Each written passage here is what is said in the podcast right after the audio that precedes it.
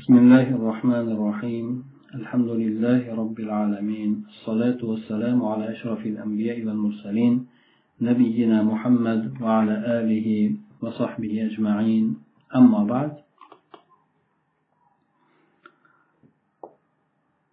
ham asr moliyaviy muomalalar kitobidan bo'layotgan darsimizda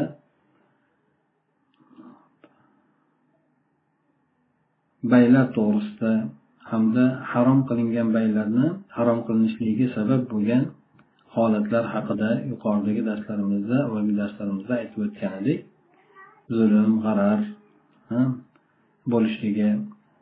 Endi esa yana o'sha harom qilingan kasb sabablaridan uchinchisi bu riboga kelib to'xtagan ekanmiz. Demak zulm bilan g'arar yuqorida o'tdi. Endi e, ribo sudxo'rlik to'g'risida inshaalloh bugun darsimizni davom ettiramiz السبب الثالث من أسباب الكسب المحرم الربا تعريفه الربا في اللغة بمعنى الزيادة يقال ربا الشيء إذا زاد ومن ذلك قول الله تعالى تبارك وتعالى يمحق الله الربا ويربي الصدقات وفي الشرع الزيادة أو النسأ أي التأخير في مبادلة أموال مخصوصة يعني uchinchi sabab ya'ni harom kasb sabablaridan uchinchisi bu sudxo'rlik ekan buni tarifi ribo degani arab tilida ziyoda ma'nosini anglatadi aytiladiki riba shay desa agar u narsa ziyoda bo'lgan bo'lsa shunga riba deb aytilar ekan. Ana o'shani jumlasidan alloh taoloni ushbu so'zi alloh taolo riboni sudxo'rlikni yo'q qiladi o'shanga barham beradi. Sadaqalarni esa alloh taolo ziyoda qiladi deydi. Shariatdagi ma'nosi lug'aviy ma'nosi bilan bog'liq bo'lgan holatda bu maxsus bo'lgan mollarni bir biriga almashishlikda ziyoda bilan almashishlik yoki bo'lmasa kechiktirishlik narsa ya'ni tahir qilishlik ma'nosidir حكمه الربا محرم بالكتاب والسنة والإجماع وهو من الكبائر ومن السبع الموبقات ولم يؤذن الله تعالى في كتابه عاصيا بالحرب سوى آكل الربا ومن استحله فقد كفر. لإنكاره معلوما من الدين بالضرورة. أما من تعامل بالربا من غير أن يكون مستحلا له فهو فاسق. قال الماوردي وغيره إن الربا لم يحل في شريعة قط لقوله, لقوله تعالى وأخذهم, وأخذهم الربا وقد نهوا عنه يعني في الكتب السابقة buni hukmi ribo sudxo'rlik bu qur'on sunnat ijmo bilan harom qilingandir yana bu sudxo'rlik gunoh kabiralardan sanaladi shu bilan birgalikda yettita halok qiluvchi gunohlarni jumlasiga kiradi bu to'g'risida mana hadisda payg'ambar alayhisalom tomonidan aytilgan yettita halok qiluvchi bo'lgan narsani Ya'ni bu katta gunoh kabiralar haqida. Alloh taolo o'zini kitobida bironta bir gunohkor bo'lgan odamga ya'ni sudxo'rlikni bilan shug'ullanadigan odamdan boshqa yani bironta bir gunoh qilgan odamga urush e'lon qilmagandir. Hop alloh taolo mana shu sudxo'rlik qiladigan odamga nisbatan o'zi urush e'lon qildi. Kim uni halol deb biladigan bo'lsa sudxo'rlikni ha u ham bir tijoratda qildi u ham nimasi harom deb aytadigan bo'lsa bu odam kofir bo'ladi. Kofir bo'lishligi sababi dindan zaruratan ma'lum bo'lgan narsani inkor qilganligi uchun ya'ni dinda hamma bilishligi kerak bo'lgan aniq bo'lgan narsani inkor qilganligi uchun kofir bo'ladi. Ammo endi sudxo'rlikni halol demagan holatida shug'ullanadigan odam bu odam fosiq sanaladi. Movardiy hamda boshqalar aytgan ekanki sudxo'rlik hech bir shariatda avvalgilarni shariatlarida ham halol qilinmagandir. Alloh taoloni ushbu so'ziga binoanki ular ya'ni bani isroil sudxo'rlikdan olganliklari yeganliklari sabablik deb aytiladi. Darhaqiqat ular undan qaytarilishgan edi. sudxo'rlikdan demak bani isroil ham qaytarilgan holatda lekin bu bilan shug'ullanishardi deydi ularni qaytarilganligi ya'ni fil kutubi o'tmishdagi kitoblarda bular sudxo'rlikdan demak qaytarilgan ekan أدلة التحريم من الكتاب قول الله تبارك وتعالى وأحل الله البيع وحرم الربا وقوله عز وجل يا أيها الذين آمنوا اتقوا الله وذروا ما بقي من الربا إن كنتم مؤمنين فإن لم تفعلوا فأذنوا بحرب من الله ورسوله وإن تبتم فلكم رؤوس أموالكم لا تظلمون ولا تظلمون. harom qilinganligi dalillari qur'oni karimda alloh taoloni ushbu so'zi keladiki alloh taolo oldi sotdini halol qildiyu sudxo'rlikni harom qildi. Yana alloh taoloni ushbu so'zi ham borki ey iymon keltirgan kimsalar alloh taolodan taqvo qilinglar. Hamda o'zlaringizni oralaringizda muomalalarda qolgan sudxo'rlikni endi tashlanglar. Ha agar sizlar iymon keltirayotgan ekanliklaringizni aytadigan bo'lsalaringiz mo'minman deb aytadigan bo'lsalaringiz o'rtanglardagi muomalalardagi qolgan sudxo'rliklarni endi tark etinglar. Agar bunday qilmasdan davom etaveramiz deydigan bo'lsanglar bunda sizlar olloh va rasuli tomonidan bo'ladigan jangga e'lon beringlar. Ya'ni alloh taolo alloh rasuli tomonidan sizlarga jang e'lon qilinadi bunga sizlar ham tayyor bo'linglar degan. Agar sizlar bo'ldi deb shu ishlaringizdan tiyiladigan bo'lsalaringiz sudxo'rlikdan tiyiladigan bo'lsalaringiz unda sizlar uchun dastmoyalaringiz sizlarni o'zlaringizni haqlaringiz bo'ladi ha ya'ni dastmoyangiz ya'ni sudxo'rlikdan keltirayotgan foydadan voz kechasizdan dastmoyalar o'zlaringizniki bo'ladi bu narsada sizlar zulm ham qilmagan bo'lasizlar hamda zulm ham qilinmagan bo'lasizlar قال الشرخسي ذكر الله تعالى في هذه الآية لآكل الربا خمسا من العقوبات إحداها التخبط. قال الله تعالى لا يقومون إلا كما يقوم الذي يتخبطه الشيطان من المس. الثانية المحق. قال تعالى يمحق الله الربا. المراد والمراد الهلاك والاستئسال وقيل ذهاب البركة والاستمتاع حتى لا ينتفع به ولا ولده بعده. الثالثة الحرب. قال الله تعالى فأذنوا بحرب من الله ورسوله الرابعة الكفر. قال الله تعالى وذروا ما بقي من الربا إن كنتم مؤمنين. وقال سبحانه بعد ذكر الربا والله لا يحب كل كفار أثيم. أي كفار باستحلال الربا أثيم فاجر بأكل الربا. الخامسة الخلود في النار. أي لمن استحله؟ قال تعالى ومن عاد فأولئك أصحاب النار هم فيها خالدون. Imom saraxsiy aytgan ekanlarki alloh taolo mana bu oyat kalimalarda yuqoridagi o'tgan ribo sudxo'rlik to'g'risida kelgan oyat kalimalarda sudxo'rlik bilan shug'ullanadigan odam uchun besh besh xil uqubatni zikr qildi. Bularni birinchisi gandiraklab yurishlik. Alloh taolo aytadiki ular turadigan bo'lsalar ham xuddi jin tekkan odam gandiraklab daydib yuradigan suratda turadi deb xabar beradi. Ya'ni jin tekkan odam aqli o'zida bo'lmaydi sog'lom yurmaydi mana shunga o'xshagan bo'lib qoladi. Ikkinchisi qut barakani o'chirishlik.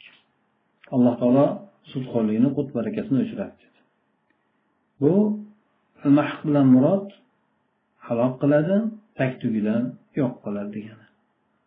Yana ma'nosi ham boshqa ma'noda aytilgan ekanki barakani ko'tarib tashlaydi. Shu bilan birgalikda undan foydalanishlikni ham ko'tarib tashlaydi. Hattoki o'zi ham foydalanolmay qoladi undan keyin bola chaqasi ham foydalanolmay qoladi. Uchinchi quvvat esa jangdir.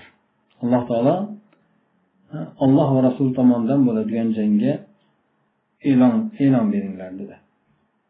To'rtinchi uqubat esa kufr bo'ladi. Alloh taolo aytdiki oralaringizdagi muomalada bo'lgan sudxo'rlikni tark qilinglar agar mo'min bo'ladigan bo'lsalaringiz. Yana shuningdek sudxo'rlikni zikr qilgandan keyin alloh taolo aytdiki alloh taolo har bir kofir bo'lgan gunohkor bo'lgan kimsalarni yaxshi ko'rmaydi dedi. Kofir bo'lishligi bu sudxo'rlikni halol deb bilishlik bilan bo'ladi. Sudxo'rlikni o'zini shug'ullanishi bilan esa fojir gunohkor bo'ladi. Beshinchisi esa uqubat do'zaxda abadiylik. Bu sudxo'rlikni halol deb biladigan odam uchun. Alloh taolo aytdiki kim yana sudxo'rlikka qaytadigan bo'lsa uni halol qo'ygan holatda e, bular do'zax egalari bo'ladi unda ular abadiy qoladilar deydi. ومن السنة عن أبي هريرة رضي الله عنه عن النبي صلى الله عليه وسلم قال اجتنبوا السبع سبع الموبقات قالوا يا رسول الله وما هم قال الشرك بالله والسحر وقتل النفس التي حرم الله إلا بالحق وأكل الربا وأكل مال اليتيم والتولي يوم الزحف وقذف المحصنات الغافلات المؤمنات.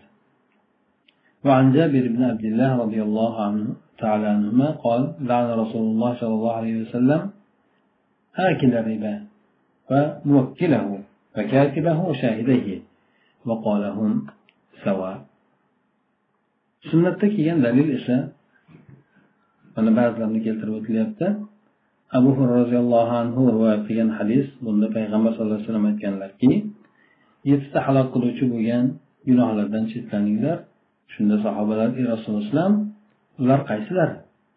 deb so'rashganda u zot sanab berdilarki allohga shirk keltirishlik sehrgarlik qilishlik sehr bilan shug'ullanishlik hamda alloh harom qilgan jonni o'ldirishlik hm, qonini saqlagan kimsani o'ldirishlik illo haq bilan bo'lsa bu narsada bo'ladi.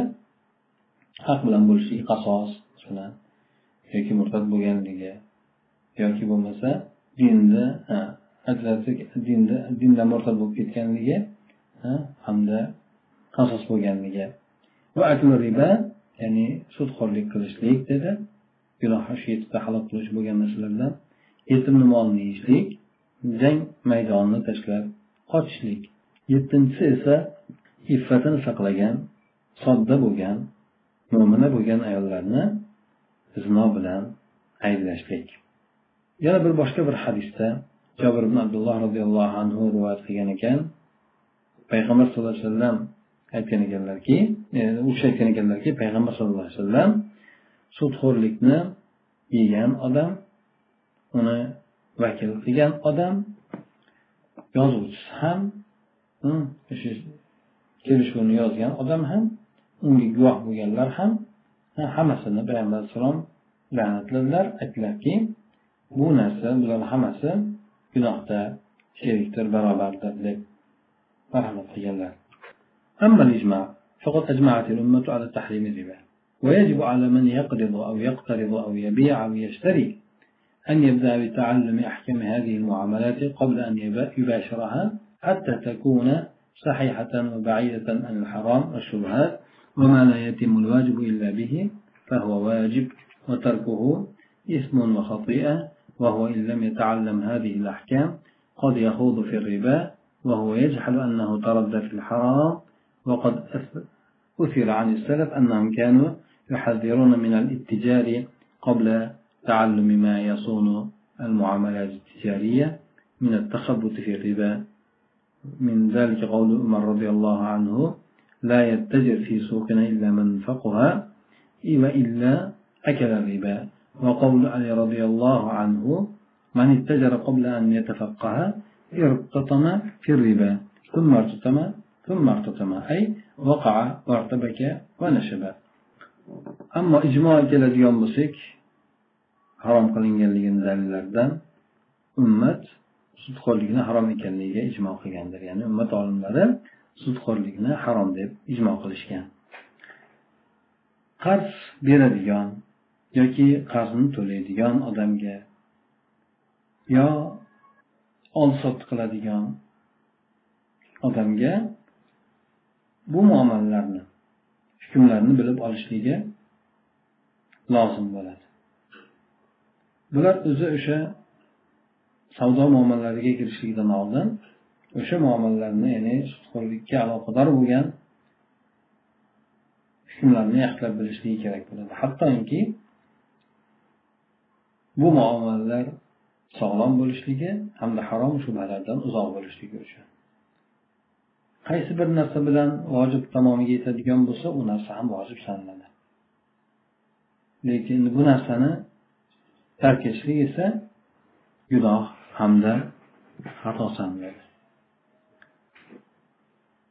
Odam agar bu hukmlarni ta'lim olmaydigan bo'lsa ba'zan sudxo'rlikka tushib qoladi.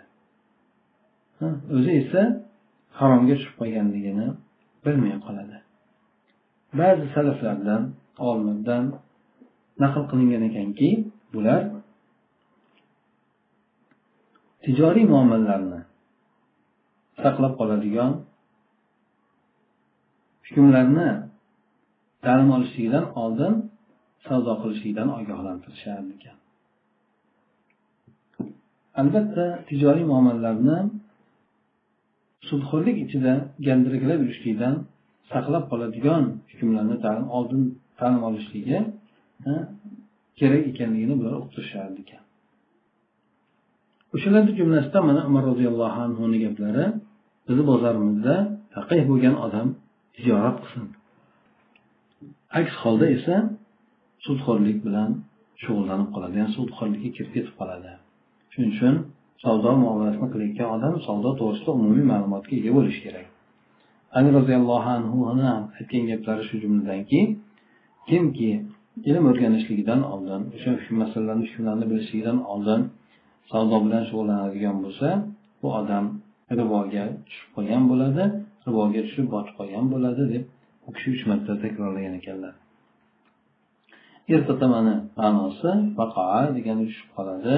Ertabaga unga bog'lanib qoladi. Mana shu bilan unga osilib qoladi. Demak shunday ma'nolarda ekan.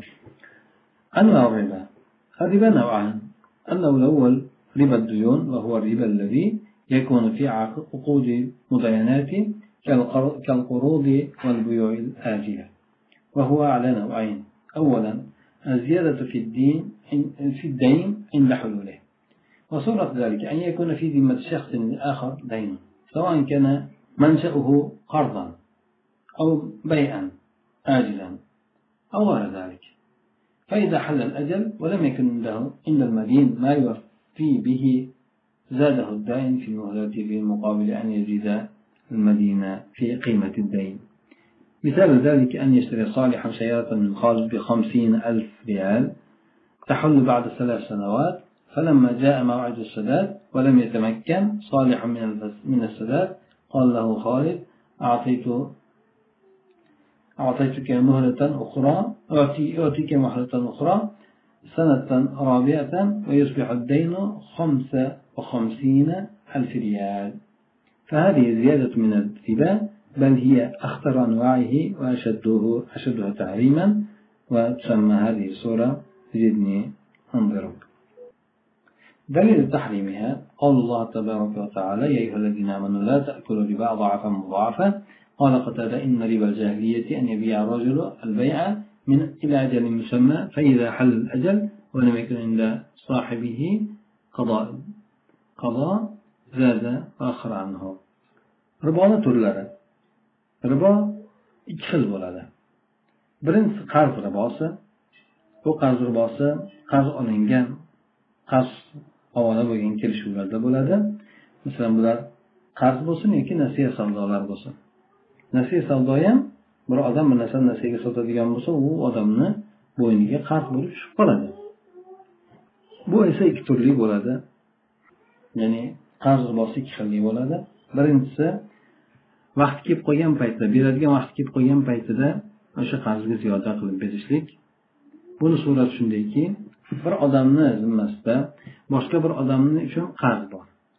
Bu yerda farqi yo'q. U qarzni kelib chiqishligi qarz olib pul olib qarz olganmi yoki bo'lmasa nasiya savdo qilganmi farqi yo'q. Bir odam demak farz bo'lgan ekan. Vaqti kelib qolgan paytida qarzdor bo'lgan odamda uni to'lab beradigan narsasi bo'lmaydigan bo'lsa qarz bergan odam muhlatni ziyod cho'zib beradiyu lekin qarzni qiymatida yana qarzdor bo'lgan odamni ziyoda qilib berishligini muqobilida qarzdor bo'lgan qarz bergan odamni muhlatni ziyoda qilib berishligi bo'ladi. Buni misoli solih degan odam xolid degan odamdan ellik ming kronga masalan bir mashina sotib oldi. Uch yildan keyin uni to'lab beradi. To'lashlik muddati kelgan paytida solih. To'lashlikka imkon topolmadi. Shunda holat aytdiki men senga boshqa to'rtinchi yil bo'lgan muddatda beraman. Qarz esa qirq ming emas balki qirq besh ming ellik besh ellik ming emas ellik besh ming bo'ladi deb. Ya'ni besh ming ustiga ziyoda qilib aytadi masalan.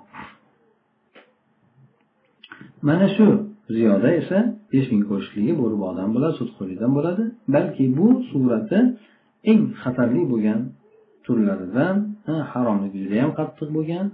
Uchun bu surat xuddi go'yoki ziyoda e, zidni ya'ni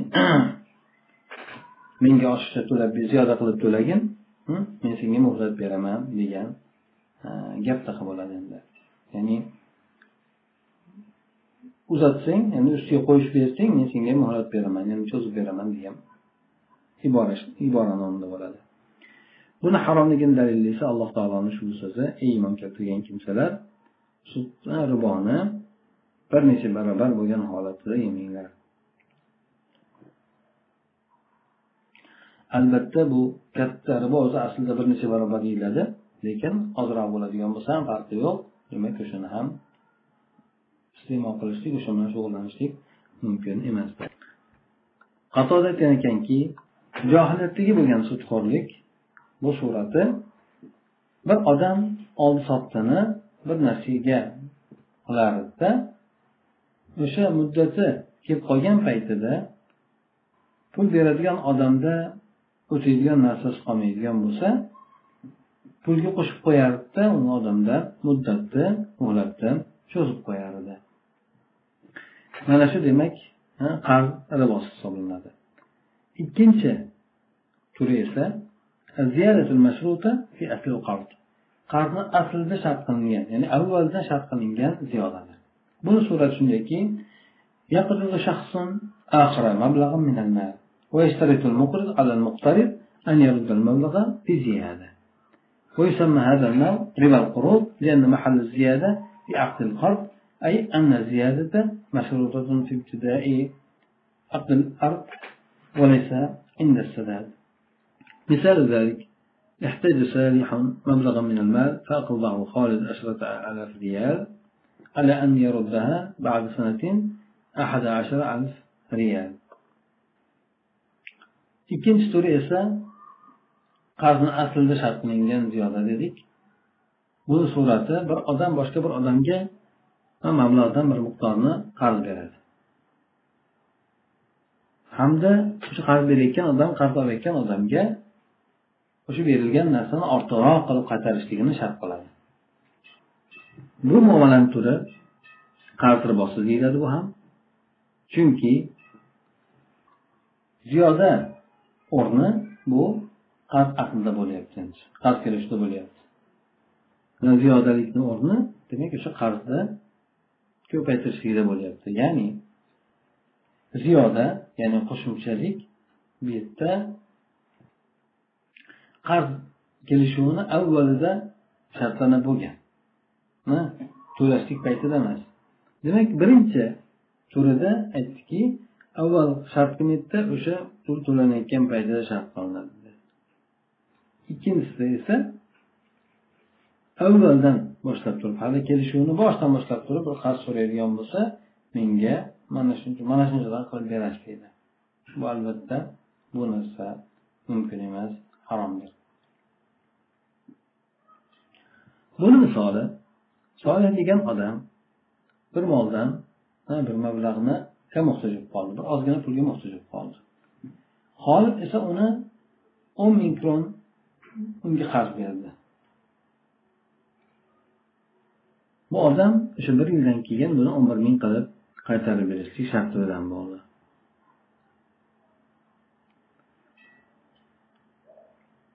ودليل تحريم ربا القروض قوله تعالى يا أيها الذين آمنوا اتقوا الله وذروا ما بقي من الربا إلى قوله وإن تبتم فلكم رؤوس أموالكم لا تظلمون ولا تظلمون ووجه الدلالة أن الجملة الأخيرة قد حصرت حق الدائن في رأس مال الذي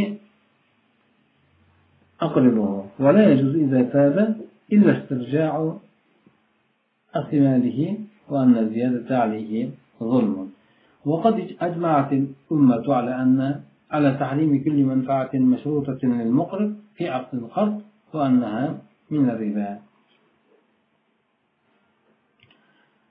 qarz ribosini harom bo'lishlik dalil endi bu alloh taoloni ushbu so'zi yuqorida aytib o'tgan oyatimiz iymon keltirgan kimsalar alloh taolodan taqvo qilinglar hamda o'zlaringiz muomalangizda bo'lib turgan sudxo'rlikni tark etinglar degan so'zdan boshlab to agar sizlar tavba qiladigan bo'lsalaringiz unda sizlarga o'zlaringiz rasmiyatlaringiz haqli bo'ladi lekin bunda birontaga zulm ham qilmaysizlar birovdan zulm ham ko'rmaysizlar. Bu oyatda dal qilib keltirilishligi holat shuki oxirgi jumla hm, bu yerda qarz oluvchini haqqini o'sha dasmiyadagi bo'lgan haqqini chegaralab qo'yadi. U odam shu bilan shug'ullangan odam agar tavba qiladigan bo'lsa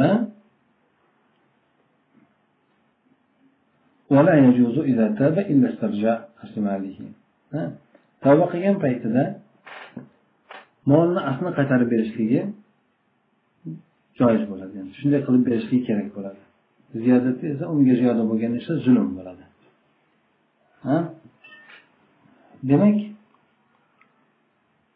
bir odam birovga o'n ming berib o'n bir ming qilib berasiz degan bo'lsa bu odam tavba qiladigan bo'lsa o'sha molni o'zini qaytarishlik bu odamga haqli bo'ladi.